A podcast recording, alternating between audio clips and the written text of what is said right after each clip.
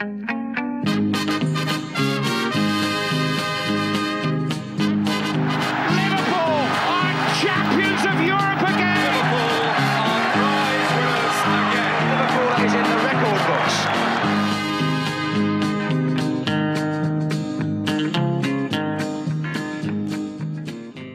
Hallå igen och hjärtligt välkomna tillbaka till eh, det som eh, får klassas som säsongens sista avsnitt av LFC-podden. Eh, vi har ju lämnat Premier League-säsongen bakom oss. Vi summerade den genom 3-0-segern mot Middlesbrough i söndags och vi eh, har ju samlat kraft nu här för att eh, beta av just eh, den matchen, vad det innebar i slutändan med den fjärde plats vi säkrade och så har vi såklart massvis med vad ska vi kalla priser att dela ut i form av årets eller säsongens mål, prestation, häftigaste ögonblick och massa annat.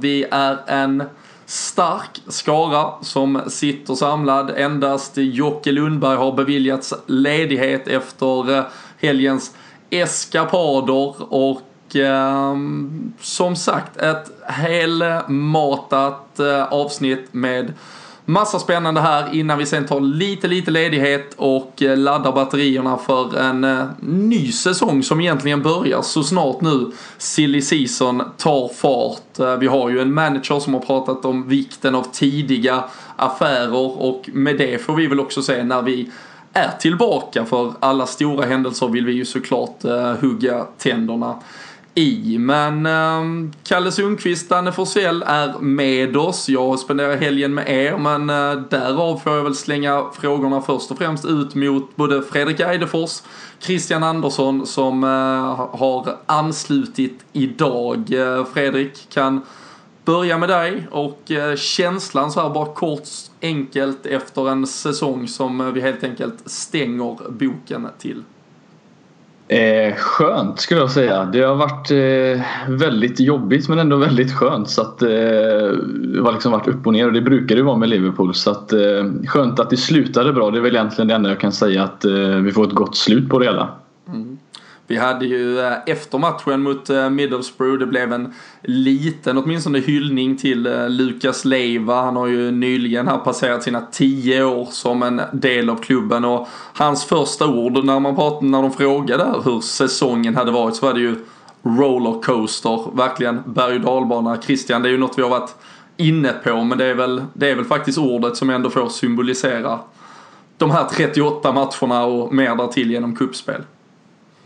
Ja, det tycker jag. Eh, stämmer rätt så bra in på Liverpool under flera säsonger faktiskt. Men rollercoaster är det, upp och ner. Men jag håller med Fredrik där att det har varit både kul och jobbigt och ja, både inspirerande och även eh, frustrerande. Så att eh, jag tycker att Lukas sätter ett rätt ord på hela säsongen där.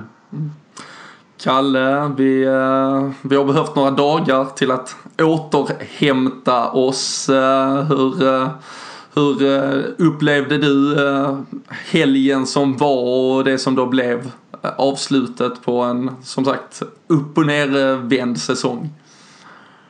Ja, det får väl eh, sammanfattas i fantastisk i vanlig ordning när man, när man är iväg. Eh, när vi fick det resultatet med oss också som vi fick så vart det ju grädden på moset. Så att det var ju en fantastisk helg och ett eh, bra slut på säsongen skulle jag säga.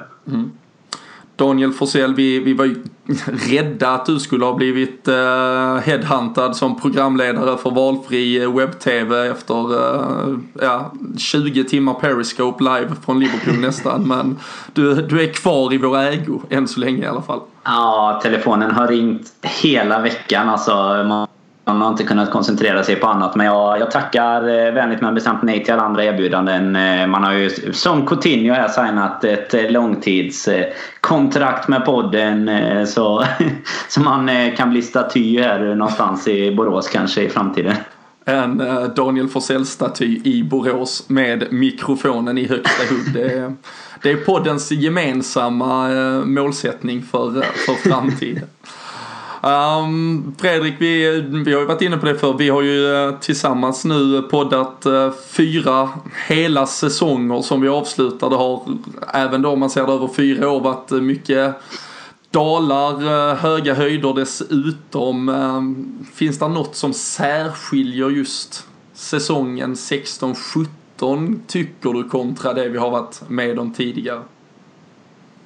Oj. Eh, Alltså, det är egentligen av de här säsongerna så jag kommer ju knappt ihåg dem. Det var ju bara första säsongen jag egentligen kommer ihåg. Det var ju bara för att det hände så himla mycket. De andra har ju varit besvikelser så att den sticker väl egentligen inte ut på något sätt mer att den påminner väldigt mycket från första säsongen vi körde tillsammans 13-14 för då där var det ju precis som den här gången en, en rollercoaster säsong och det, det är väl det som får att det sticker ut lite den här gången att det, det ändå slutar på ett positivt sätt som det delvis gjorde 13-14 också sett till Eh, förutsättningarna också då. Så att, eh, men inget annat känner jag. Det eh, känns bara som att vi har lyckats ta podden längre fram snarare än vad säsongen har gjort. Det är alltid kul nu med lite nya ansikten och ännu fler lyssnare.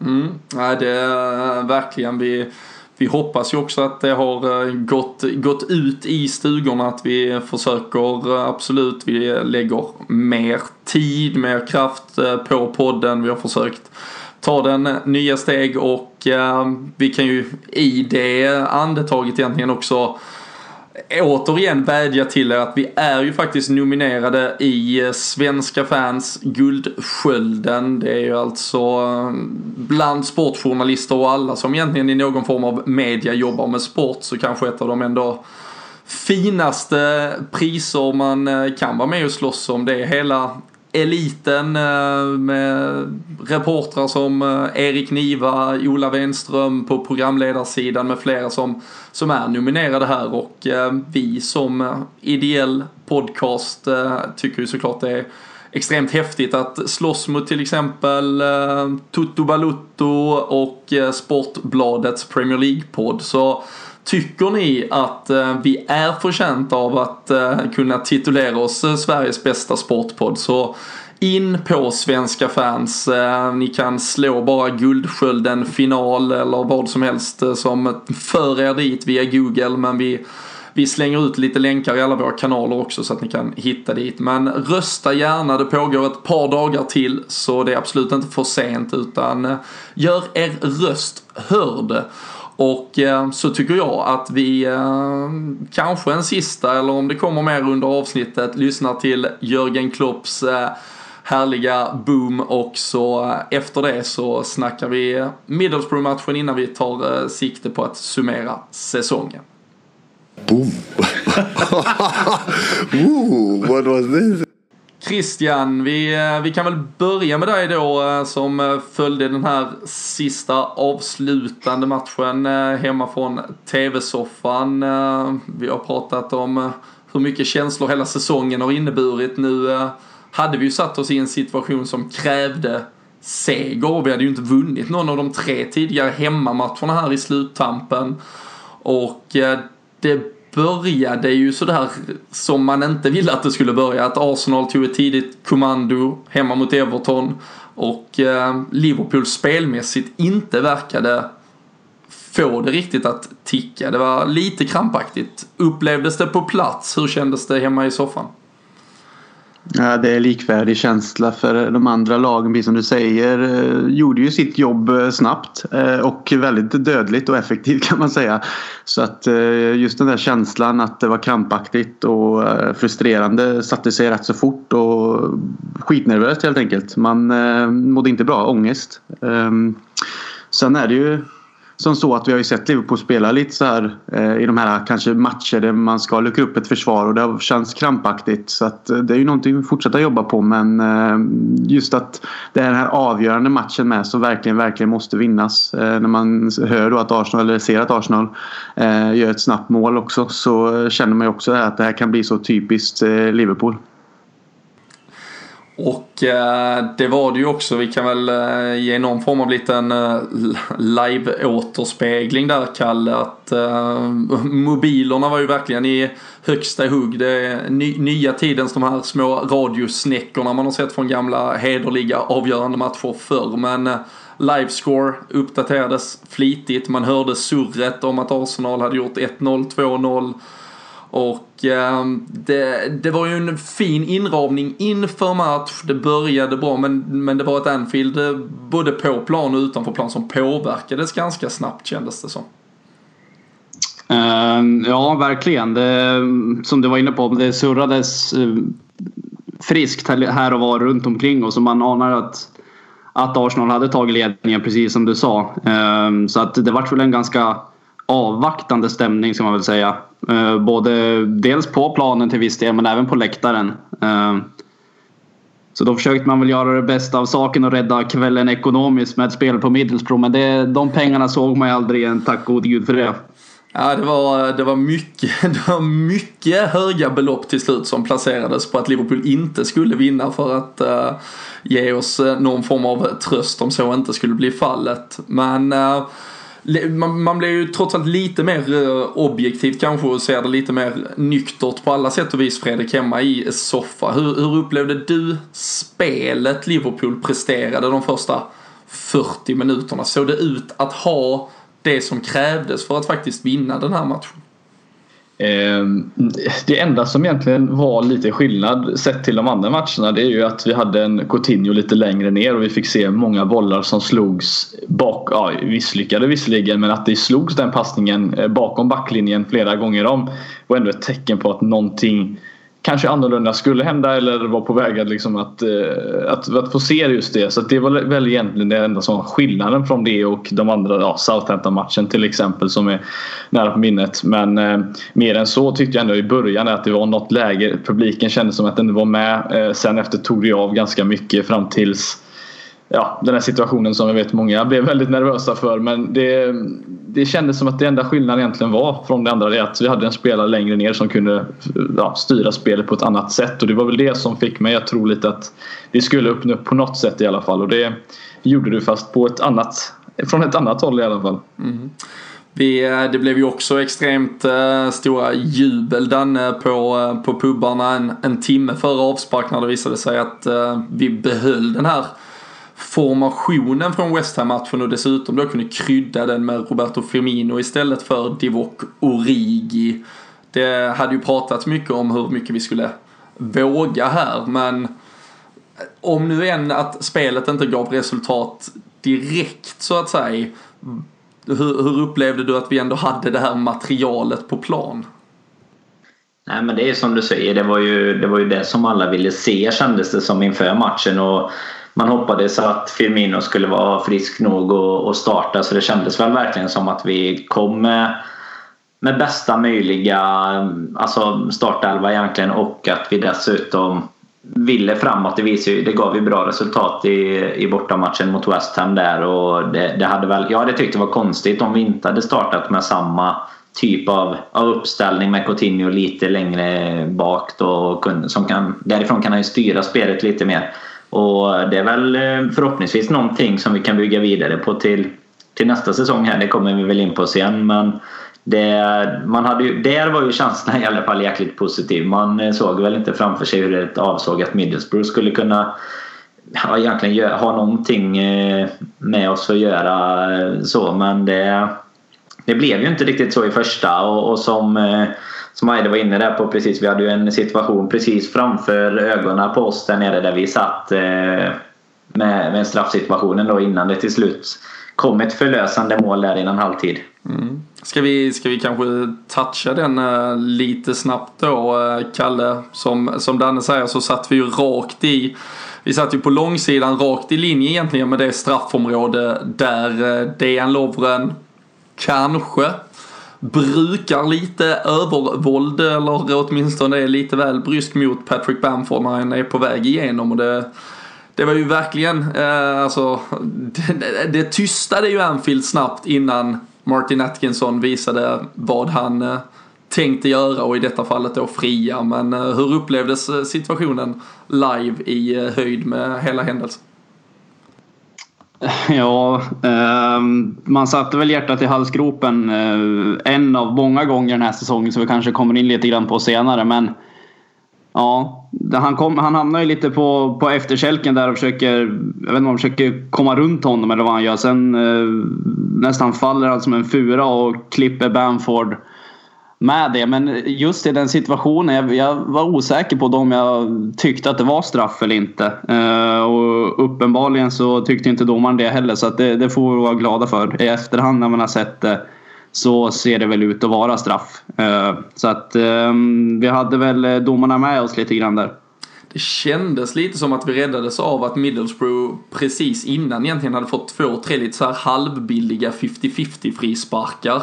Och när då den här, som kanske verkligen var det kom, så, så liksom kompenserar Atkinson ut allting. Och det, det är ju liksom egentligen så här regel ett i domaryrket att inte kompensera situationer. Men eh, samtidigt, ja kanske då tungan på vågen, lite styrkan av att ha en, en hemmaplan, han vet vikten för Liverpool, tar han det domslutet så är det egentligen det, det kan ju absolut vara domslutet som liksom totalt dödar Liverpools Champions League-dröm och eh, säga vad man vill så är ju till, eh, till slut också domare människor som mentalt påverkas av eh, situationer och, och omständigheter. Och eh, jag, jag tycker väl också i, i slutändan att det, det, det är absolut en eh, straff och eh, oavsett egentligen hur hårt man gråter så gör man det med den klumpigheten tyvärr så, så kommer man alltid att riskera det åtminstone. Sen kan man alltid diskutera huruvida Bamford stannar in för att få en spelare i ryggen och så vidare. Men det, det gjorde ju Fredrik Ljungberg i, i 25 år nästan och fick frispark varje gång. Så det, det är ju egentligen inte förbjudet att, eh, att söka situationen heller. Hur tror ni att den här podden hade sett ut idag om det hade varit en eh, straff eh, och eh, förlust i den här matchen? Det hade ju varit snacka om, om vi pratar om liksom rollercoaster, alltså hur det hade kunnat vända helt och hållet om det eh, hade blivit så. Frågan är om både jag, Daniel och Kalle hade kommit hem eller om vi hade vaktat en Lovrens hus ja. den, den närmsta tiden. Nej men, men det, det är ju, och där får man ju Jo, vi kan ju prata väldigt mycket om eh, vad Dejan Lovren har gjort och inte gjort denna säsongen, men där hade ju mycket satts på sin spets i förhållande till, och, och samtidigt så det, nu kom vi undan, men det understryker ju den riskfaktor han är konstant. Och eh, hade han tagit den, hade han blivit utvisad, hade det blivit att vi därigenom inte klarade det som var vår absoluta målsättning här på slutet så, ehm, så hade han absolut inte haft en framtid. Inte ens i eh, truppen. Det, det kan jag inte se framför mig. Jag, Christian, vad tror du om, om det sista Dejan Lovren hade kunnat rädda där? Nej, jag, precis som ni säger det här med straffsituationen. Luften gick ur en. Alltså jag var helt säker på att det var straff och att det skulle bli rött kort eh, i den sekunden precis efter situationen. Men när domaren sen visar med tydliga tecken att nej, det är ingen straff så är jag egentligen bara så skaka på huvudet och tänker hade det varit tvärtom så hade jag varit fly förbannad. Om det varit Liverpool som hade haft den situationen med sig så att säga. Eh, men ja, som du säger med om Lovren att han spelar ju ofta på den här gränsen och han har ju klantat till sig några gånger och det vet vi och det har vi diskuterat. Eh, sen har han ju spelat upp sig också väldigt eh, mycket och är duktig tillsammans med Matip men det finns ju alltid den här lilla, det är som Bojan Djordjic alltid inne på i Viasat-studion att det finns alltid ett misstag i Lovren och jag tycker att han har rätt i det. För det finns i vissa tillfällen där han, som du säger Robin, där har en klumpighet som gör att det riskerar en, en straff eller en utvisning eller liksom farliga frisparkar. Um, så hade det gått Middlesbroughs väg i den här eh, situationen och det hade slutat med straff och rött kort och det hade som sagt spikat igen kanske Liverpools Champions League-dröm så tror jag nästan att Lovren hade fasats ut faktiskt. Det är hemskt att säga men eh, så kan, så kan det gå. Men nu vill ödet något annat och det får vi hoppas att det bara för tur med sig. Mm. Alltså man ser ju bara på Moreno förra säsongen vad, vad liksom lite avgörande situationer i slutändan på säsongen kan göra tycker jag. För han var ju inte, alltså han, han har väl aldrig rosat marknaden riktigt men han var ju extremt eh, hatad nästan till men alltså illa omtyckt i alla fall efter Europa League-finalen och, och sen liksom så har vi James Milner som ersätter han en hel säsong på, på den positionen utan att vi egentligen ens värvar in någonting. Så jag, jag tycker det definierar lite vad, vad som kan hända när det ändå sätts på sin spets. Liksom. Och det är lite samma sak med Lovren här. att Någonstans hade han fått bära hundhuvudet för, för det. Liksom. Mm. Nej, det är, det är också övertygad om och eh, när, när, när till slut tyvärr då en hel supporterskara hade sagt sitt så, så tror jag inte ens Jörgen Klopp som dock har visat sig vara lite eh, liksom eh, Mr Ice och, och vågat gå på egen magkänsla och sina idéer inte hade kunnat, eh, jag tror inte han hade kommit undan med ett beslut att liksom förlåta återigen. För det det handlar ju om, det, det, tyckte jag, det var vi inne på också eh, när vi pratade live ifrån Liverpool inför matchen att, att skapa, att återfå den här känslan av att vi kan vinna, att vi kan liksom, att vi kan avgöra i de här lägena. Och eh, hade vi då på individuell klumpighet återigen fallit så så hade uppförsbacken varit för lång åtminstone för spelarna som hade varit direkt involverade i ett sånt nederlag. Så äh, räddade absolut där. Och äh, sen Kalle så blev det äh, ja, numera nästan notoriske hemmamålskytten. Och, äh, och lite så här äh, avgöra. Han har gjort ett par väldigt viktiga mål. Gini Wijnaldum som eh, smäller in 1-0 i dessutom klassiskt psykologiskt viktigt läge precis före pausvila. Ja, vi har ju sett det relativt många gånger den här säsongen faktiskt. Att vi har tryckt in det där förlösande målet eller ett viktigt mål i, i slutet av första halvlek. Eh, Jocke stack iväg och köpte Bratwurst där och man, eh, jag själv hann inte riktigt hänga med på vad det var som hände utan såg bara bollen smälla in i nätet. Sen var det ju eh, eufori mer eller mindre. Eh, så att det var ju ett otroligt viktigt mål för, för matchen och vi kunde kliva in i andra halvlek med, med ett litet lugn i alla fall trots att man inte ska göra det. Så att det var ju, ja, det var fantastiskt. Mm. Hur eh, härligt Fredrik är det att se Gino Wijnaldum löpa in i eh, boxen gång efter annan? Ja, det kommer ju stå på min gravsten skulle jag gissa på. Wijnaldum tar en löpning in i boxen. Det borde göra det för jag, vi har ju pratat om det massvis av gånger att vi varför har vi bara inte en spelare? Klopp har sett det här problemet och skaffade den spelaren och jag är glad att han gjorde det för att eh, du vinner. Alltså I detta fallet som vi sa, hur många poäng har han egentligen inte vunnit eller räddat för oss just på grund av detta? Och det, alla människor borde se detta. Att det finns en anledning till att du har inte bara anfallare som tar löpningen in i boxen utan en extra mittfältare. Eh, och han gör det så himla bra och där måste jag ju säga att sitt, eh, formationen i sig om man tänker att Firmino är den som gör den här eh, liksom touchen i sidan som eh, gör att han får det här läget och att man sen dessutom har en Sturridge i boxen ifall det skulle bli en retur eller vad det nu skulle kunna bli vilket gör att man vinner väldigt mycket på det och att ha den här spelaren som tar det här för då har du alltid en anfallare som är med liksom. Och det, man vinner så mycket på det. Jag är så glad att han tar de här löpningarna. Och han, jag tror säkert att Klopp varit på honom många gånger och sagt fortsätt med det. Det liksom visar ju resultat. Så att, eh, nej, superbra verkligen. Och just som du säger med, med Sturridge med en spelare som verkligen vill alltså engagera sig väldigt centralt i de här avgörande lägena så öppnar det ju hela tiden den här kanalen mellan mittback och ytterback som ligger lite fel i hur de ska positionera sig mot en sån här löpning. Och det ger ju Wijnaldum den där liksom extra metern för att trycka till bollen ordentligt. Och när han dessutom går på ett avslut mot första stolpen där så blir det ju otagbart nästan för, för Gussan. Och eh, riktigt, riktigt eh, ett bra fotbollsmål om man får eh, titulera det så, eh, så klyschigt nästan. Men eh, det var ju ett 1-0 mål som då som vi säger förlöste Anfield. Och eh, med en pausvila där vi sen kommer ut också och eh, om vi ändå snabbspolar det som till slut blev att vi spelar av eh, matchen. Eh, Krille, en frisparksskytt också i Filip Coutinho som som vi, ska vi nudda honom lite och, och, hans säsong för den har ju om laget har varit upp och ner så, så är väl han spelaren som också får symbolisera det med tanke på hur hans såg ut efter sin skadefrånvaro och så vidare. Men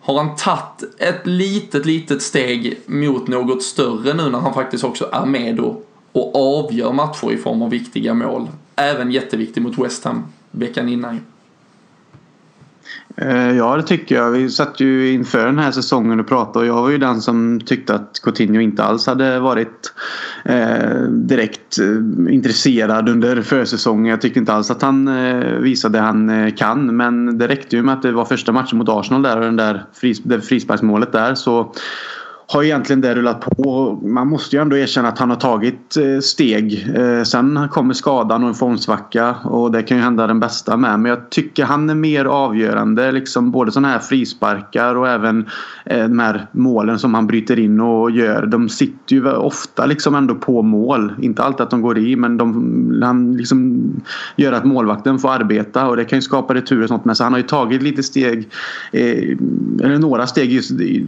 den bemärkelsen. Men jag tycker ändå att han har, han har lite kvar för att bli den här äh, absoluta världsstjärnan då. Och äh, det hoppas man ju bara att han nu då som det, man hoppas också att han äh, när han har gett sin framtid till Liverpool, vilket det sägs, så om man verkligen får eh, får se honom utvecklas där så känns det väl som att man, man får ha lite is i magen och hoppas han tar några steg till. Men eh, han är absolut avgörande under den här säsongen när han är med liksom och han har sin eh, form så är, liksom, är han sån, sån spelare så eh, finns det inte många som är bättre i Premier League heller skulle jag säga.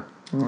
Sen han kom till eh, Liverpool säsongen 12-13 så är han också den spelaren som har gjort flest mål från utanför straffområdet och den här säsongen så landar han till slut på 13 Premier League-mål på 31 matcher. Det är ju till syvende och sist också Fredriks statistik som är imponerande oavsett om spelet då har varit upp och ner. Ja, för att han är ju ingen notorisk målskytt men han gör viktiga mål och eh, det är ju det, är det i slutändan som vi ber en spelare som, som ska vara den som ska leda oss framåt. Så att, eh, och jag sa det innan säsongen att gå in med, i en säsong utan att ha en, liksom, en super super striker som de andra lagen har då är det betydligt viktigare att få se de här tre där framme göra över 10-13 mål i alla fall och det har vi fått se så att det är fantastiskt att eh, och i, första, i början av säsongen fick vi verkligen se vad det kan göra skillnad att ha tre stycken där framme och Coutinho var ju tillsammans med Mané kanske den absolut bästa eh, på att just göra de målen där framme så att eh, nej han har verkligen utvecklats det och eh, om det blir en mittfältsroll för honom så har han ju det i sig dessutom eh, framöver också. Mm. Det känns ju också som att det här, den här typen av mittfält, nu kommer det ju vara en sommar som kommer liksom, det kommer hagla rykten. Nabi Naby Keita har ju varit en av spelarna det har ryktats jättemycket kring.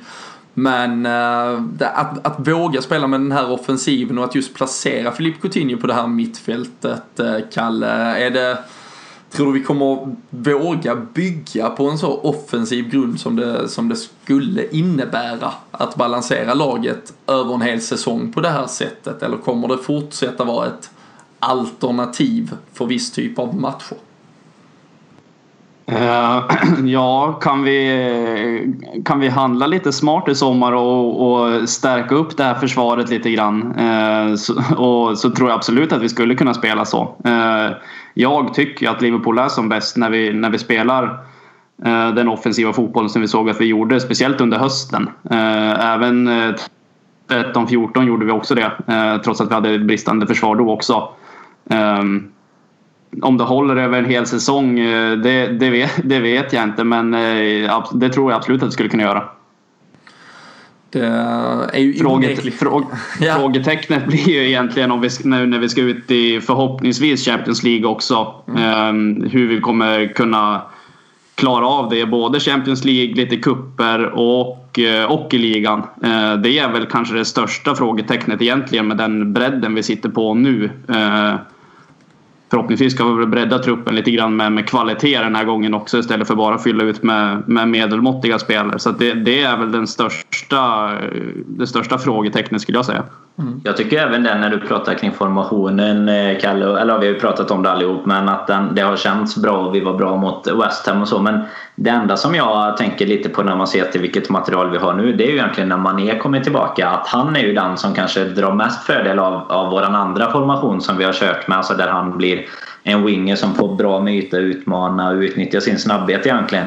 Det är väl vart, eh, vart vi ska få in honom i, eh, i den eh, typen av formation som är det enda enda som jag ser egentligen annars är det de spelarna vi har nu som har, eh, har kunnat prestera riktigt bra så tycker jag. Och jag är ju säker på att Coutinho, du nämnde ju det Robin, han gör ju 13 mål och blir bäst tillsammans med Mané och gjorde 7 assist tror jag han hamnar på. Det, han kommer ju säkert dubbla assisten ur, ur en sån position känns det som. Särskilt med spelare som om vi har kvar Starwich till exempel eller eh, Firmino, alltså om det är sådana spelare framför honom så känns det som han kommer, kommer göra ganska mycket mer assist från en sån position än från sin, sin vänsterposition då som han hade nu innan vi bytte formationen. Och det kändes ju, eh, jag vet inte Fredrik, men min känsla var ju att Coutinho också nästan tvingade, alltså i, med sitt spel som han presterade från den där vänsterkanten till slut liksom tving, tvingade sig själv ner i banan. Tror du det har varit en, en aktiv önskan också från Coutinho att börja röra sig mer i den typen av position för att han åtminstone vet att han får ut mer av sitt spel i den? Ja, jag tror han känner det också när han, han märker att ju längre säsongen gick desto hårdare bevakning fick han. Mer fysiska blev ytterbackarna mot honom. Han, han har ju sitt sätt att, att utmana som vi alla vet. Att göra lite skottfinter eller pass, ja, vad det nu är man skulle kalla det. Och ofta går på högersidan för att leta skott. Och det, det har varit tämligen ganska enkelt eh, sett från ja, egentligen 2017 och framåt kan vi väl säga då när han kommer tillbaka. Att, att läsa av honom. Jag tror att han vinner väldigt mycket på att få ha, vara centralt där han egentligen kan gå åt båda hållen. Inte bara eh, inåt i banan som han väldigt mycket gör då som ytter. Så jag tror han känner lite att han får ut väldigt mer av sig själv och jag tror även att Klopp har insett detta när eh, att han behöver en playmaker för det känns som att det inte riktigt har blivit lika mycket passningar framåt och avgörande bollar när eh, Henderson blev skadad. Så att, eh, jag tror han, båda de har nog märkt och haft en diskussion att det här är nog det bästa förlaget att bygga kring i alla fall och det är jag glad att de gjorde, har i så fall gjort för att det har blivit resultat i slutändan av säsongen. Mm.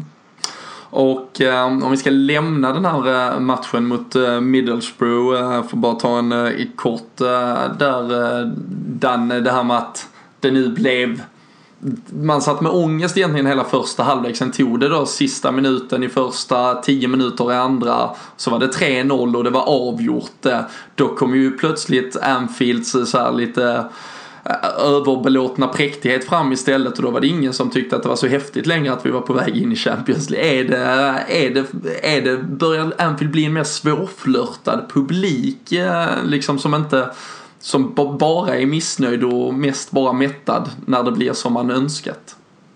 Ja, men jag tror det blir lite så under en sån här säsong. För jag menar, vi tittar vi på början på säsongen där vi, där vi körde över allt och alla. Och eller det gjorde vi kanske inte, men på hemmaplan gjorde vi det i alla fall. Och så spelade vi lika mot eh, topplag borta och vi slog Arsenal och Chelsea bland annat. Så, så tror jag att man hade så mycket mer förväntningar när vi gick in i typ december och runt årsskiftet och sådär så där då. Så att det har blivit liksom Våren har snarare blivit eh, nästan ångestfylld kring om vi ska ta topp 4 vilket man då kände att vad fasen det är ju redan topp 4 är ju inte något vi ska sikta på nu utan nu är det ju titeln vi ska vara med och fightas om.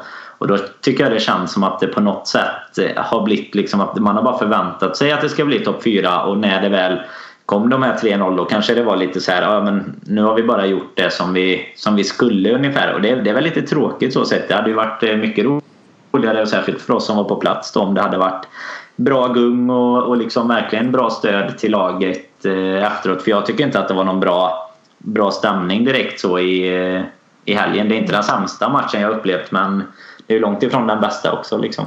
Vi, vi satt ju och drömde om det här eh, Amiens-avslutet eh, där vi i 97 minuten gick från en sjätte plats till en eh, andra plats i stort sett. Men det, lite, det blev lite mer avslaget absolut. Men till syvende och sist Krille, det var fjärdeplatsen. Jag tycker vi lämnar matchen i sig utan fokuserar just på det här som då innebär ett Champions League playoff. Och Eh, hur är din känsla kring det? Vissa pratar ju om Champions League redan. Hur, hur viktigt tycker du det är att sätta lite ändå liksom understreck under det där kval som det faktiskt innebär också?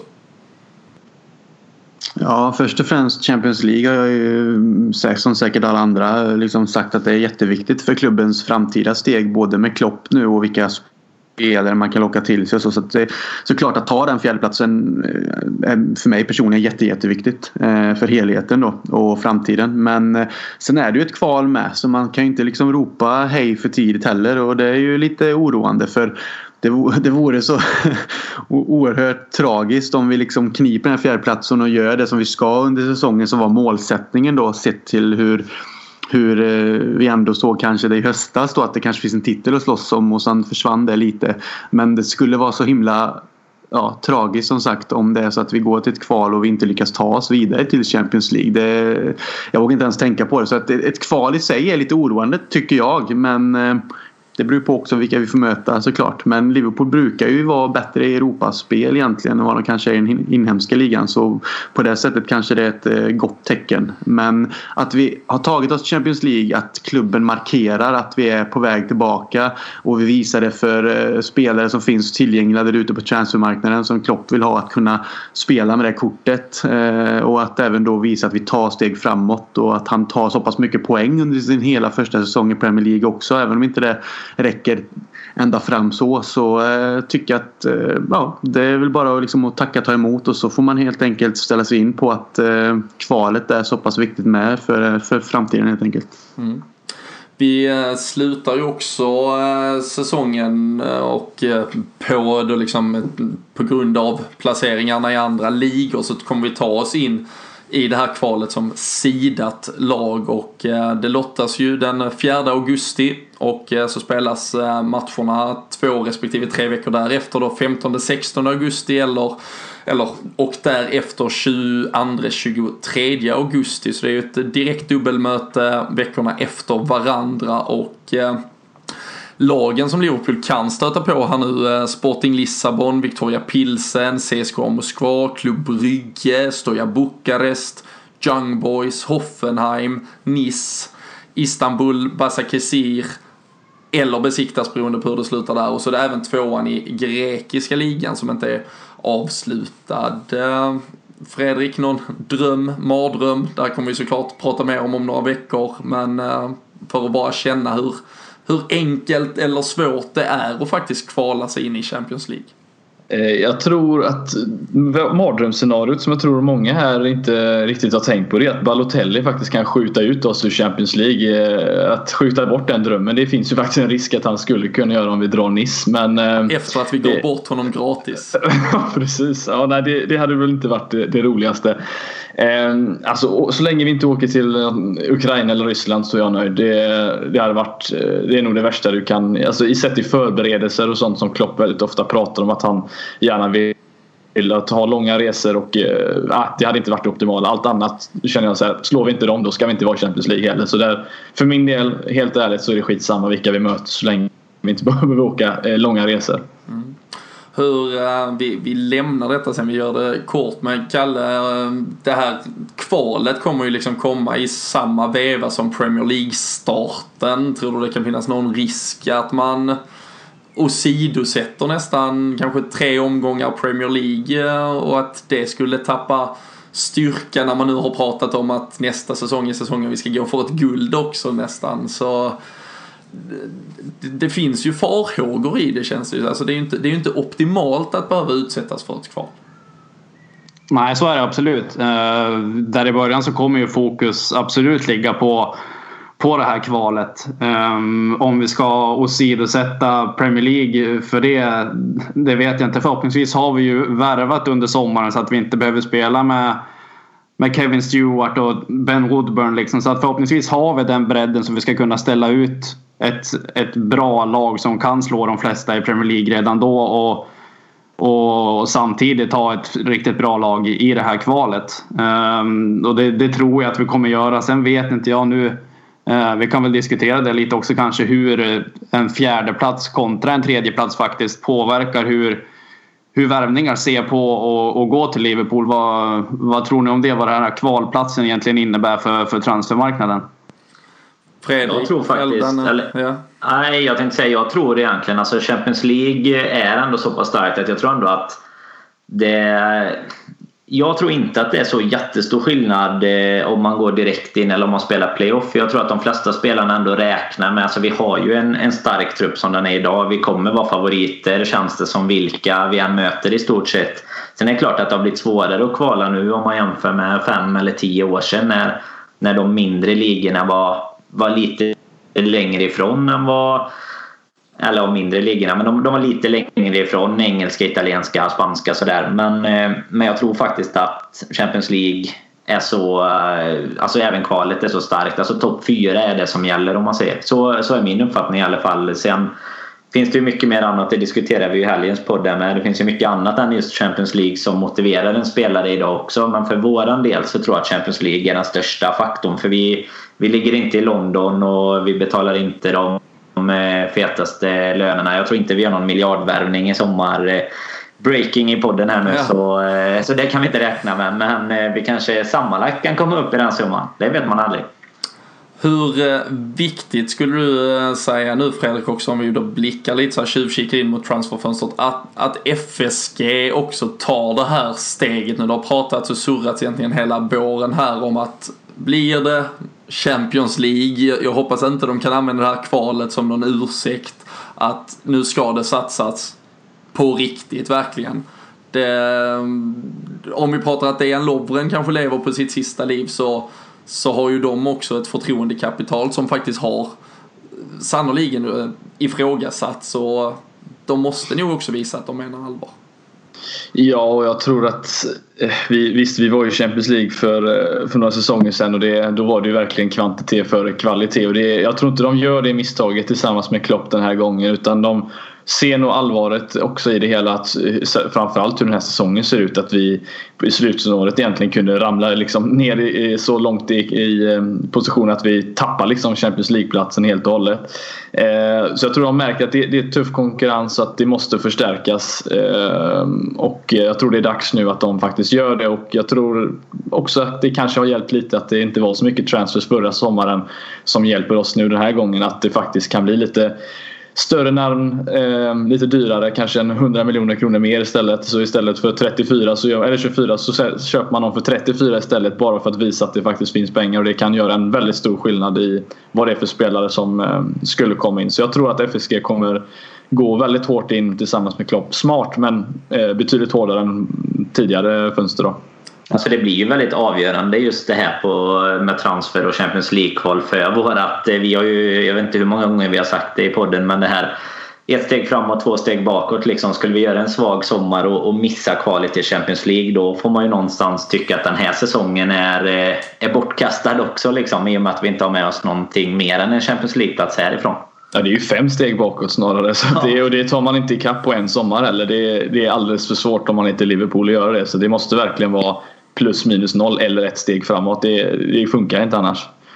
Och att utnyttja de slaglägen man ges. Vi pratade om det i januari att eh, vi kunde ha tagit det sista steget upp på allvar och utmanat. Vi, vi, vi backade hemåt och egentligen safeade oss eh, ur det här och med nöd och näppe räddade säsongen. Och eh, nej, jag är ju övertygad och har varit ganska tydlig väldigt länge att eh, satsningen måste komma och eh, vi kommer ju sitta här nästa år också och, och, prata men det hade varit väldigt, väldigt skönt att göra det med en eh, såklart succéartad sommar, ett Champions League avancemang då in i ett gruppspel och en Premier League-säsong som tar fart på allvar när nu förutsättningarna verkar finnas. Men vi ska eh, nu åtminstone packa ihop eh, den här säsongen. Vi har fått eh, massa bra idéer från er där hemma. Vi har samlat lite egna punkter och ska helt enkelt lite i punktform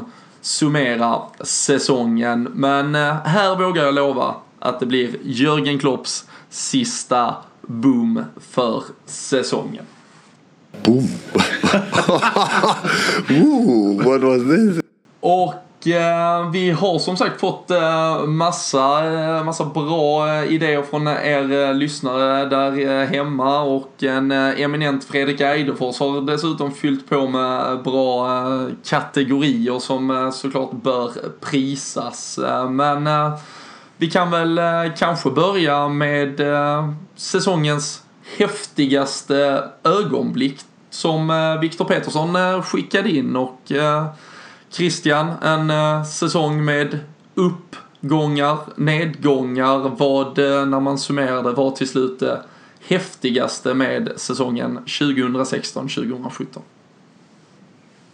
Ja, just den frågan kanske inte jag har funderat på så mycket men om jag bara spontant ska ta den frågan till mig och tänka ut någonting snabbt så är väl egentligen Eh, det häftigaste är väl egentligen att, vi, att Liverpool på något sätt står upp ordentligt mot alla lag i topp 6. Att vi liksom slår dem, och inte, slår dem eller spelar lika och inte förlorar utan vi faktiskt eh, visar att vi kan vara med. Eh, det tycker jag väl är det häftigaste för det har väl varit relativt Liverpool har kanske haft lätt för eh, större lag innan om man säger så men någonstans nu så är det, det är mer något annat självförtroende, något annat driv har det varit de här vinsterna och de här poängen. Så det har väl egentligen varit häftigaste om, om, om det sedan eh, också kan ändras mot de lite sämre lagen med all respekt så eh, blir det ännu häftigare. Men det, det säger jag då som det häftigaste i säsongen att vi, att vi står upp mot de eh, stora grabbarna som säger att de är cashen om man kallar det så.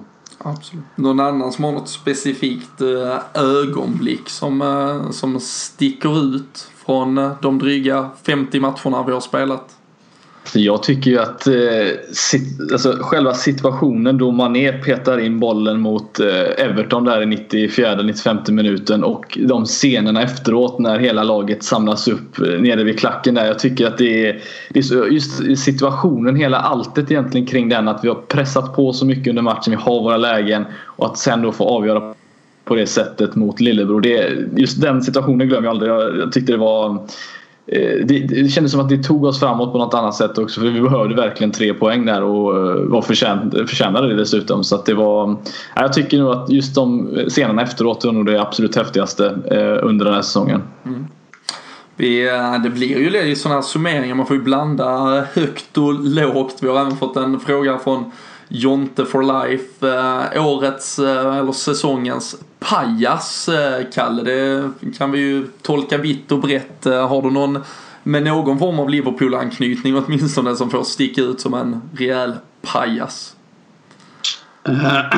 Ja, det var ingenting jag hade reflekterat jättemycket över heller men får väl gå tillbaks till gårdagen då och säga Michael Owen. Ja, och, och, för de som inte följde hur han betedde sig i BT Sport och vad, vad som gör det så clownaktigt. Um, ja, han är ju ambassadör för Liverpool um, och sitter i studion i, när Manchester United spelar i Europa och pratar om United i vi-form. Um, det tycker jag sätter huvudet på spiken för vilken pajas han är. Hur, jag, kan lägga till, jag kan lägga till den där faktiskt ett eh, ögonblick bara. Inte, inte liksom att jag tycker att personen i fråga eller spelaren i fråga är, är helt förkastlig. Men det var ju det här när Benteke gjorde mål mot oss på Anfield och firade med Mamadou Sakho som fortfarande ägs av klubben. Då känner jag lite sådär att det är inte det, det, är liksom enskilt som moment så är det inte läge att som utlånad Liverpool-spelare stå och fira att våran gamla Benteke skjuter bort våra... Ja, då tänkte man ju att det kanske var Champions League-drömmarna och hela säsongen. Liksom. Det, det tyckte jag... Där och då var väl inte Mamadou Sakho eh, högst upp på min eh, min vänskapslista. Men är det för att du är avundsjuk på movesen eller för att du faktiskt var arg på vad han faktiskt gjorde? Jag, jag känner inte att du är den här riktiga... Det var 50-50 där ungefär. Jag ville gärna ha en sån hälsning med honom själv och sen så var det också då lite just vikten av det. där, är, där är ju en uh, fantastisk, jag vet inte om vi har nämnt det i podden tidigare, men just på den situationen när de står och uh, tramsar sig så är det ju, det är ju gamla Liverpool, eh, både spelaren och ledaren Sammy Lee som har assisterat Sam Allardyce under säsongen och han går ju förbi dem och blickar ett ganska så argsint öga och eh, det är ju en eh, liksom en jävla krutgubbe som har eh, levt och lärt eh, Liverpool innan och utan och eh, han tyckte väl inte heller kanske att det där var sättet att bete sig på. Men det visar väl lite av den äldre och nyare generationens eh, kanske fotbollsspelare vad som, vad som egentligen ligger där närmst eh, hjärtat. Eh, och på tal om hjärta och vi var inne på DN Lovren men vi har även kategorin hjärtat i halsgropen. Fredrik, har du något utöver då DN Lovren som, där, där det nästan har varit dags för så här defibrillator? Ja, alltså matchen mot eh, Watford där när Emre Can har lyckats eh, cykla in ett helt fantastiskt mål och vi går mot en 1-0 seger och en helt horribel rensning av Milner blir ett inkast som sedan slås in i boxen eller vad det nu blir och där drar, jag tror det är Pröder den i ribban, vad kan det ha varit, 94, 92, 93 minuten. Eh, som hade helt och hållet vänt upp och ner på eh, hur säsongen hade sett ut känns det som. För just där och då känns det som att ett mål där och då, då försvinner hela den fjärdeplatsen helt och hållet. Eh, Eh, och där, så där, där eh, tog jag några djupa andetag efteråt och la mig i fosterställning mer eller mindre för det var för jobbigt att kolla på. Ja, nej, den var, den var uh, otroligt uh, jobbig faktiskt. Har du något sånt, något ögonblick som du känner att... Nej, alltså det, du, du är ju inne på en bra variant och uh, DN Lovren som så hade jag väl annars, nu har vi varit inne på det så pass mycket, men där straffsituationen här mot Middlesbrough var var absolut eh, en sådan också. Så eh, annars ligger det nog inget så direkt på, på näthinnan i alla fall. Men eh, det har ju snarare istället varit en så här Hjärtat kanske inte har varit i halsgropen så många men det har varit så här halvvägs uppe nästan hela säsongen istället. Att man liksom eh, äh, ångest, paniker eh, kring, kring allting. Så äh, Nej, men äh, från den matchen, äh, kanske utan att placera ord i, i mun på någon, men Christian, äh, årets mål. Är det the one and only här eller eh, finns det konkurrens till eh, Emre Can? Det finns några konkurrenter men sett till hur det målet är i en sån viktig match och att det blir en 1-0 vinst då som eh, Fredrik säger med att vi får sätta hjärtat i halsgropen när han träffar ribban där i slutet Prödel så är väl det årets mål just till vikten av det och utförandet av det så att Emre Can, ja det blir det. Mm. Vi, eh, vi har fått frågan också från eh, Ludvig Strömvall här. Den här får jag lägga lite brett för det är kanske ingen, jag vet inte vem som reflekterar mest över eh, sådana saker men som uppföljning till mål då så årets målgest och det var ju inte Mamadou Sakos då kanske men någon annan som har någon något Liverpool-minne, Sadio Manés firande med fansen där mot Everton såklart men annars, vi har haft lite dansmoves även om eh, Daniel Sturridge inte är den som har stått för merparten längre.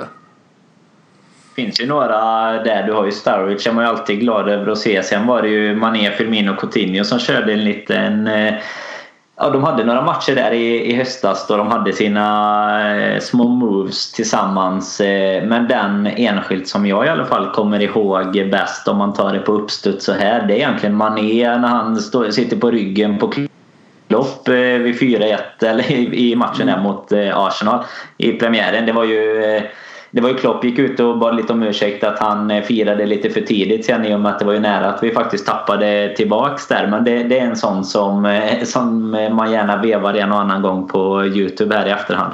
Mm. Vi har också fått, fått en annan eller, förslag här som lite uppföljning till att vi kan konstatera att Liverpool vann Fair Play-ligan eh, i Premier League första gången också sedan 2008-2009 vi inte får ett enda rött kort. Om än att vi kanske skulle haft det här till slut.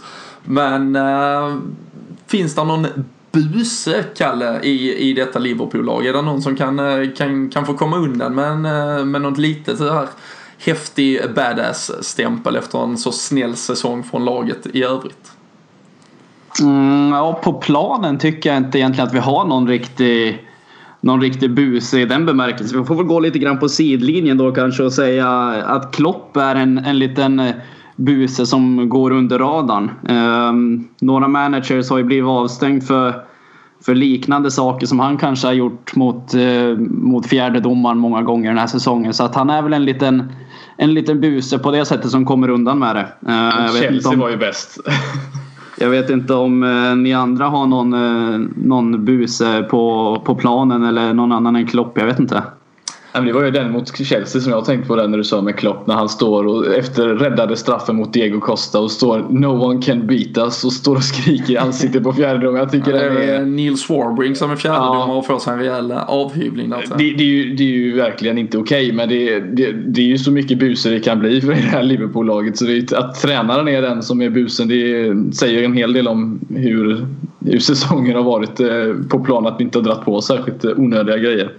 Sen, tror ni eh, att Klopp vinner någonting på att han är karismatisk och schysst mot dem annars? Liksom? Alltså han har ju ändå en väldigt... Eh, alltså det, det är svårt att inte tycka om honom oftast. Eh, tror ni att det är det som räddar honom lite om man jämför med Mourinho till exempel? För det är som du var inne på i början här Bylund att klart att domarna är ju människor de är. De har ju, tycker ju säkert, många av dem tycker säkert att det är en en rätt skön tysk snubbe liksom och, och så kanske det blir lite det här att nej, man, man lugnar ner honom en gång extra istället för att visa upp direkt som det ibland Alltså Mourinho till exempel Ja, om, man, alltså- om man tar han. Han kritiserar ju mycket mer utåt liksom. Han säger ju att domaren är skit om han tycker det. Och så är det ju till 110 procent. Alltså eh, har du liksom byggt upp och ditt, om vi ska kalla det ett varumärke på att vara liksom cynisk och egentligen spelat egentligen en, du spelar dig själv i, i minoritet till, till domarna, att du är i händerna på något större, någon som bara vill förstöra, vilket eh, José Mourinho har gjort sedan han kom till England i stort sett så är det klart att där ligger en en undermedveten liksom eh, så här, trigger på att när går han över gränsen nu igen då, då ska han väck bara. Medan man på en manager som Jörgen Klopp där där han verkar ha en avslappnad, härlig inställning. Jag kan ju tänka mig att han är väldigt välkomnande när de träffas i katakomberna, när man går ut på mattan, så länge allt är frid och fröjd. Men, men sen har vi ju varit inne på det också i podden under säsongen att jag tycker i mer och mer pressade lägen så har Jörgen Klopp också visat sig obalanserad i vart han riktar sin liksom energi och kritik ibland och att det har legat lite väl mycket på domarna och han kommer nog absolut att vara alltså lite utsett för mer granskning efter, alltså till nästa säsong. För det är klart att de, precis som varenda lag och, och manager liksom ser tillbaka på vad man har gjort under säsongen och var man måste tänka till ett steg extra nästa gång. Och eh, jag tror ju, skulle det vara en sån här fjärdedomarincident som den extrema där mot Chelsea, skulle en sån komma en gång till då, då tror jag det ganska, kan gå ganska snabbt i början av nästa säsong att man bevi- alltså, även kliver in mot honom och visar att det är dags att, det är dags att ta det lugnt. Men äh, Buse absolut i, i, eh, till mångt och mycket och äh, pratar vi utanför planen Roberto Firmino äh, blev ju också tyvärr fog för äh, rubriker i form av eh, beteende som inte alls hörde hemma i, i klubben. Eh, hans eh, fyllekörning kring jul och nyår ehm, var ju något som också inför den där perioden som redan var så, så jävlig skakade om oss och där är väl konkurrens kanske till den där kategorin. Men ehm, prestation Fredrik är ju också en sån där eh, stor vid eh, kategori man kan sätta mycket i. Det kan ju vara en, eh, ett enkelt moment. Det kan också vara något vi har presterat över hela säsongen. Men har, har du någonting du känner ligger, ligger och liksom triggar på den punkten? Um, ja, jag har två grejer egentligen. Men främst det som kommer på näthinnan där, det är ju Mignolets räddning mot Stoke känner jag. Uh, I en enskild litet ögonblick. Liksom, att, att han står för den räddningen eh, som vi alla kommer ihåg så väl. Eh, eller han gör ju två stycken men framförallt på den på eh, när det dras ett inlägg och han tar den på andra jag vet inte vem det är som skjuter men det spelar nog inte så stor roll. Men att han gör den där avgörande räddningen eh, känns och vi går därifrån. Vi hade två tuffa bortamatcher eh, kommande där. Det var Stoke och West Bromwich. Han gör den och vi får hålla... Eh, nej, hålla nollan får vi inte göra visserligen. Men han, han avgör den och vi vinner matchen i alla fall. Eh, det är den som sticker ut tillsammans med Mané hela hans match mot Spurs. Det är väl de två grejerna jag tänker främst på. Det, ja, alltså, något av det bästa jag sett den här, den här säsongen i alla fall. Manes, eh, den vet jag att vi har nämnt i podden. Jag tycker också hans 60-70 meters löpning mot Sunderland som eh, resulterade i straff och 2-0 i 90 minuten i stort sett var så här signifikativt för vilket jävla, vilket jävla kraftpaket han är och hur mycket energi han har i sig. Och eh, om man pratar liksom så här enkla detaljer så var ju det också en sån här som stack ut eh, kändes det som. Men eh, någon annan som har någon prestation i form av individuell eller laginsats eh, som eh, bör nämnas?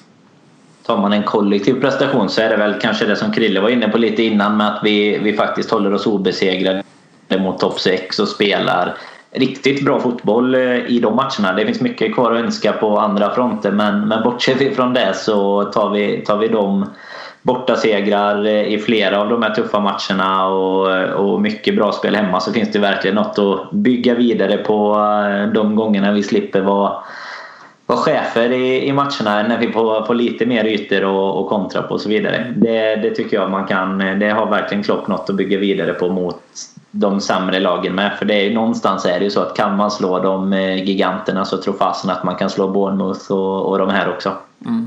Och, Ja, ja, ja, ja, jag har noterat lite här med att just Lalanas löpande. Att han springer eh, eh, mest nästan alltid av eh, Liverpool-spelarna och i Premier League också kanske. Just det här att han är den också kraftpaketet samtidigt som man har den här funktionella spelstilen som gynnar Liverpool så mycket. Att han både kan pressa och vinna mycket boll men att han också är en spelare som bidrar med mål och assist. Att han liksom ändå håller den innan han blev, hade skador och sånt. Men just att han håller den nivån. Att han är den spelaren som har tagit de kliven. Att, sett över en säsong då så tycker jag att det är en prestation att orka match in och match ut springa så mycket men samtidigt också bidra med så mycket kvalitet te tekniskt sett och även då med alltså, som jag sa, assist och mål. Så det tycker jag också man kan nämna lite att han, hans kliv också är, viktigt. I, just, I maskinen Liverpool så är han en eh, viktig kugge. Det häftiga som jag tycker med Adam Lallana det är ju att han egentligen under hela sin inledande Liverpool-karriär alltså egentligen fick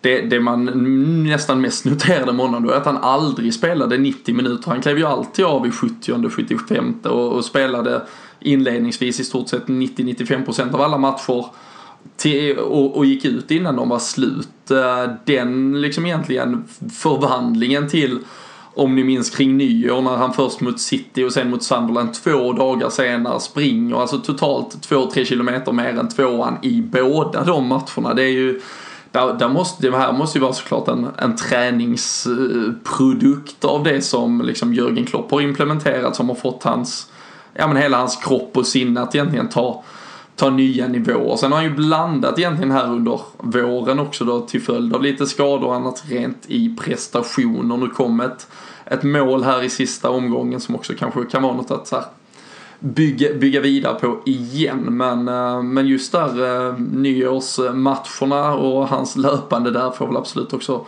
tituleras som en prestation. Men eh, om vi tittar åt eh, andra hållet, eh, Kalle, årets besvikelse. Återigen kan ju både vara något individuellt men även eh, något kollektivt. Är det något som som ändå i den här berg och dalbanan blev det, det djupaste djupet sett över hela säsongen.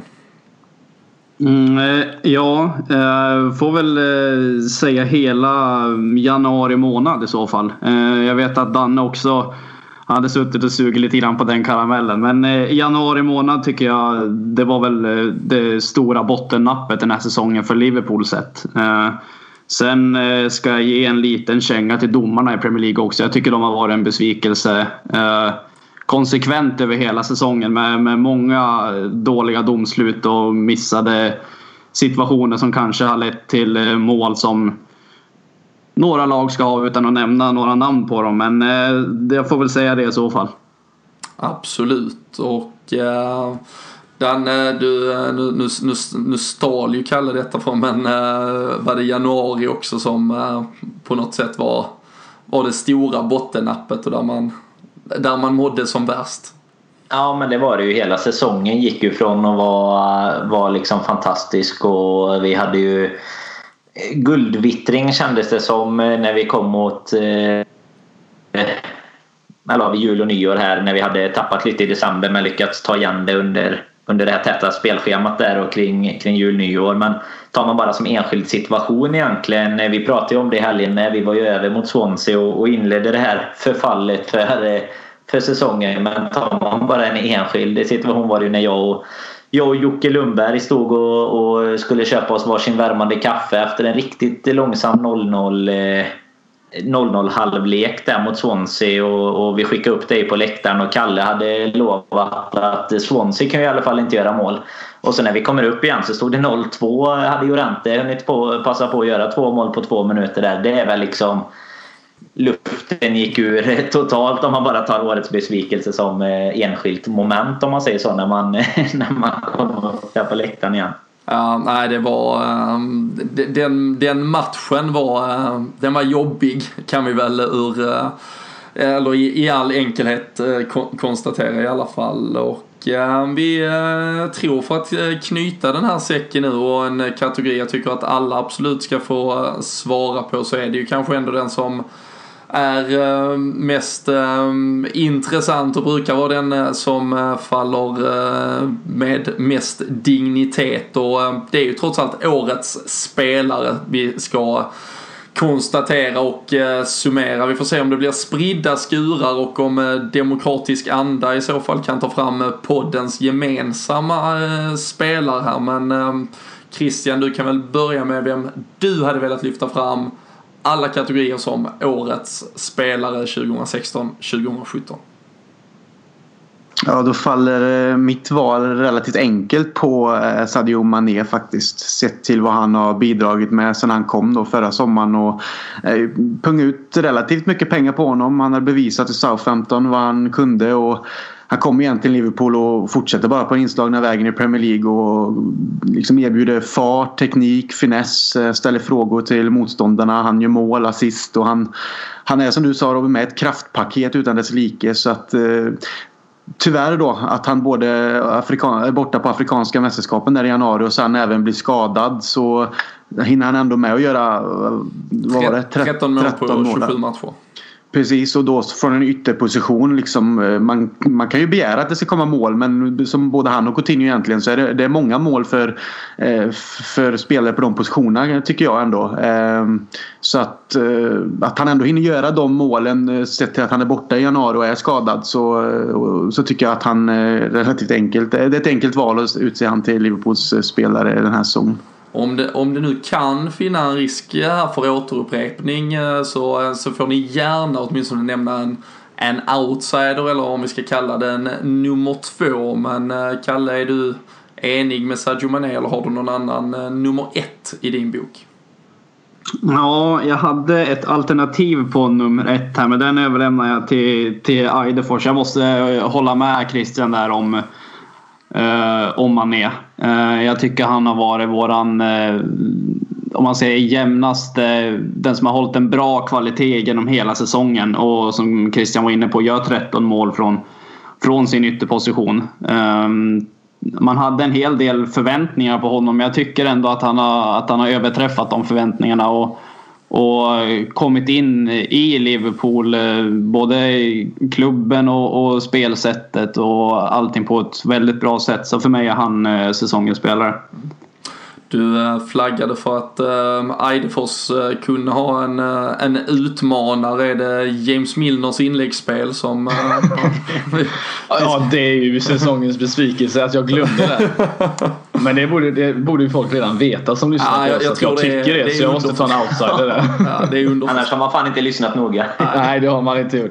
Eh, nej, men jag, jag, jag vill ju också hålla med. Jag tycker det var synd. Jag tror definitivt att han hade kunnat, eh, man hade kunnat göra alla de här jag hade kunnat komma upp i 17-18 mål om han hade varit, fått spela hela säsongen. Det är jag helt säker på. Eh, för att han erbjuder framförallt något som ingen i laget kan erbjuda. Så det är väl det som gör att han egentligen hamnar där och är rösten på många. Men jag anser eh, att säsongens spelare är Gini Wijnaldum eh, trots allt. Eh, och för de som eh, följde podden under eh, podden Away som vi kallar det eh, i taxiresan hem från, från eh, senare under, under, eh, under kvällen där och får sjunga hans låt. Det, nej, jag tycker att han är det och det är passande också att han får göra det matchvinnande målet här i den absolut viktigaste matchen på säsongen. Eh, räddat många poäng kommit in, eh, fått ta en annan position när man fick spela i, i Newcastle han kommer ifrån. Eh, har anpassat sig väldigt snabbt. Eh, och visst, han har inte...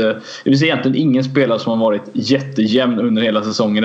Och det är väldigt svårt att, att, att vara det som sagt. Men jag tycker att han har bidragit så mycket viktig balans på mittfältet. Eh, gjort avgörande poäng och eh, fick just, som jag sa där, avgöra med det matchvinnande målet mot Middlesbrough. Så att han är min eh, player of the year.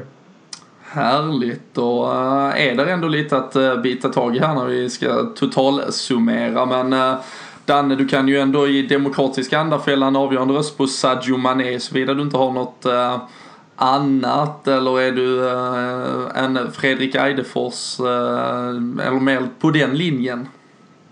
Nej, jag, jag eh, hade ju förberett mig lite här årets spelare. Jag man ju ganska säker på att man visste att vi skulle gå igenom. Och jag hade några kandidater faktiskt. Bland annat eh, Gini Wijnaldum. Eh, också och Coutinho med som lite bubblare som jag tycker egentligen har hållit eh, högst kvalitet om man tänker under hösten och så nu till slutet med. Men hans formsvacka gör ändå någonstans att man är har blivit, jag tycker han har blivit säsongens spelare med, alltså det, det, har visat sig så tydligt under de här gångerna han har varit borta hur viktig han är snarare än att det har visat sig under när han faktiskt har varit med för då har han gjort det, det bra liksom. Men han var borta på Afrikanska mästerskapen och sen när han skadade sig här då, då har det varit mycket tuffare för Liverpool som lag och det är det jag tycker någonstans definierar hans vikt vilket gör att jag faktiskt tycker att han är, är säsongens spelare och även som ny egentligen har kommit in så jäkla fort i i Klopps sätt att spela fotboll på i, i vårt sätt. Och, och, det visar väl någonstans att det är Premier League proven kanske är, är värt att betala för då. Det är väl första gången eh, någonsin som det faktiskt eh, finns en flagga i hatten för någon som brukar eh, säga det där. Mm. Ja, det är ju eh, som ni nämnde det är två eh, nyförvärv som, som också nämns här vilket Eh, Eh, bör vara ganska eh, unikt att det kan komma in ett nyförvärv och vara, vara briljant. Det har väl hänt såklart när man har spenderat stora pengar till exempel på en anfallare men men, men det var ju också inledningsvis under säsongen pratade man ju mycket om liksom styrkan i Joel Matip som kanske avtog och så här men det var ju ändå på den ordinarie fronten transfermål som, som ändå slog ut väldigt, väldigt väl och jag kan ju bara instämma i att eh, en spelare som Gino Wijnaldum, um, kanske den som ändå överraskar mest. Om man säger Sadio Mané hade, man, hade jag en förväntning till att det skulle bli extremt uh, bra. Ja, där uh, kanske nästan var överoptimistisk och på så sätt inte lika förvånad. Men exakt hur Gino Wijnaldum skulle akklimatisera sig, vad han skulle bidra till i det här laget eh, var jag absolut inte så säker på även om jag trodde att han skulle bli en ordinarie del. Men eh, tycker absolut att han framförallt när han i konstellationer har getts möjlighet som nu under sluttampen här att, att vara en löpande box-to-box-spelare där det, det, blir extremt kul att se honom och ja, han älskar ju som sagt att avsluta offensiva anfall i straffområde och det, eh, det kommer ju behövas. Så det, eh, FSG måste ju ha lite så här våta eh, drömmar kring statistik på att eh, spelare i straffområdet bör generera mål och så vidare. Och där är ju Gino Wijnaldum, nu ska vi bara få upp uppsida på hans bortaspel också. Det, han lever ju ändå kvar i den här myten som ändå har, har har stämt in gång efter annan att han kanske presterar lite bättre hemma. Men eh, Sadio Mané till syvende och sist också min eh, player of the year. Så um, vi får väl kröna honom till uh, poddens uh, konung och uh, årets spelare som vi såklart hoppas få ut mycket, mycket, mycket mer av under nästa säsong. Ehm. Och med det så har vi egentligen summerat det mesta tycker jag. Jag vet inte om det är någon av er som känner att ni har något sådär sista ni måste puttra ur er innan vi ska ta några veckors eh, ledighet här? Jag har en faktiskt. Den är svår kanske att svara på direkt men säsongens poddögonblick, har vi något? Uff. Det hade varit Periscopen när jag och Bylen satt nere i Malmö och sjöng eh, Bob Marley kanske. För de som, som har följt oss via andra medier också. Nej, det kanske är mer vad som har hänt här i podden. Sen kom det väl aldrig ut i, eh, vi hann väl kanske klippa och klistra när Danne blev attackerad av sin katt i något avsnitt. Det hörs eh, noga i något avsnitt för eh, ungefär ett halvår sedan tror jag. Ja, Vi kan väl ge det till lyssnarna annars i så fall. lite.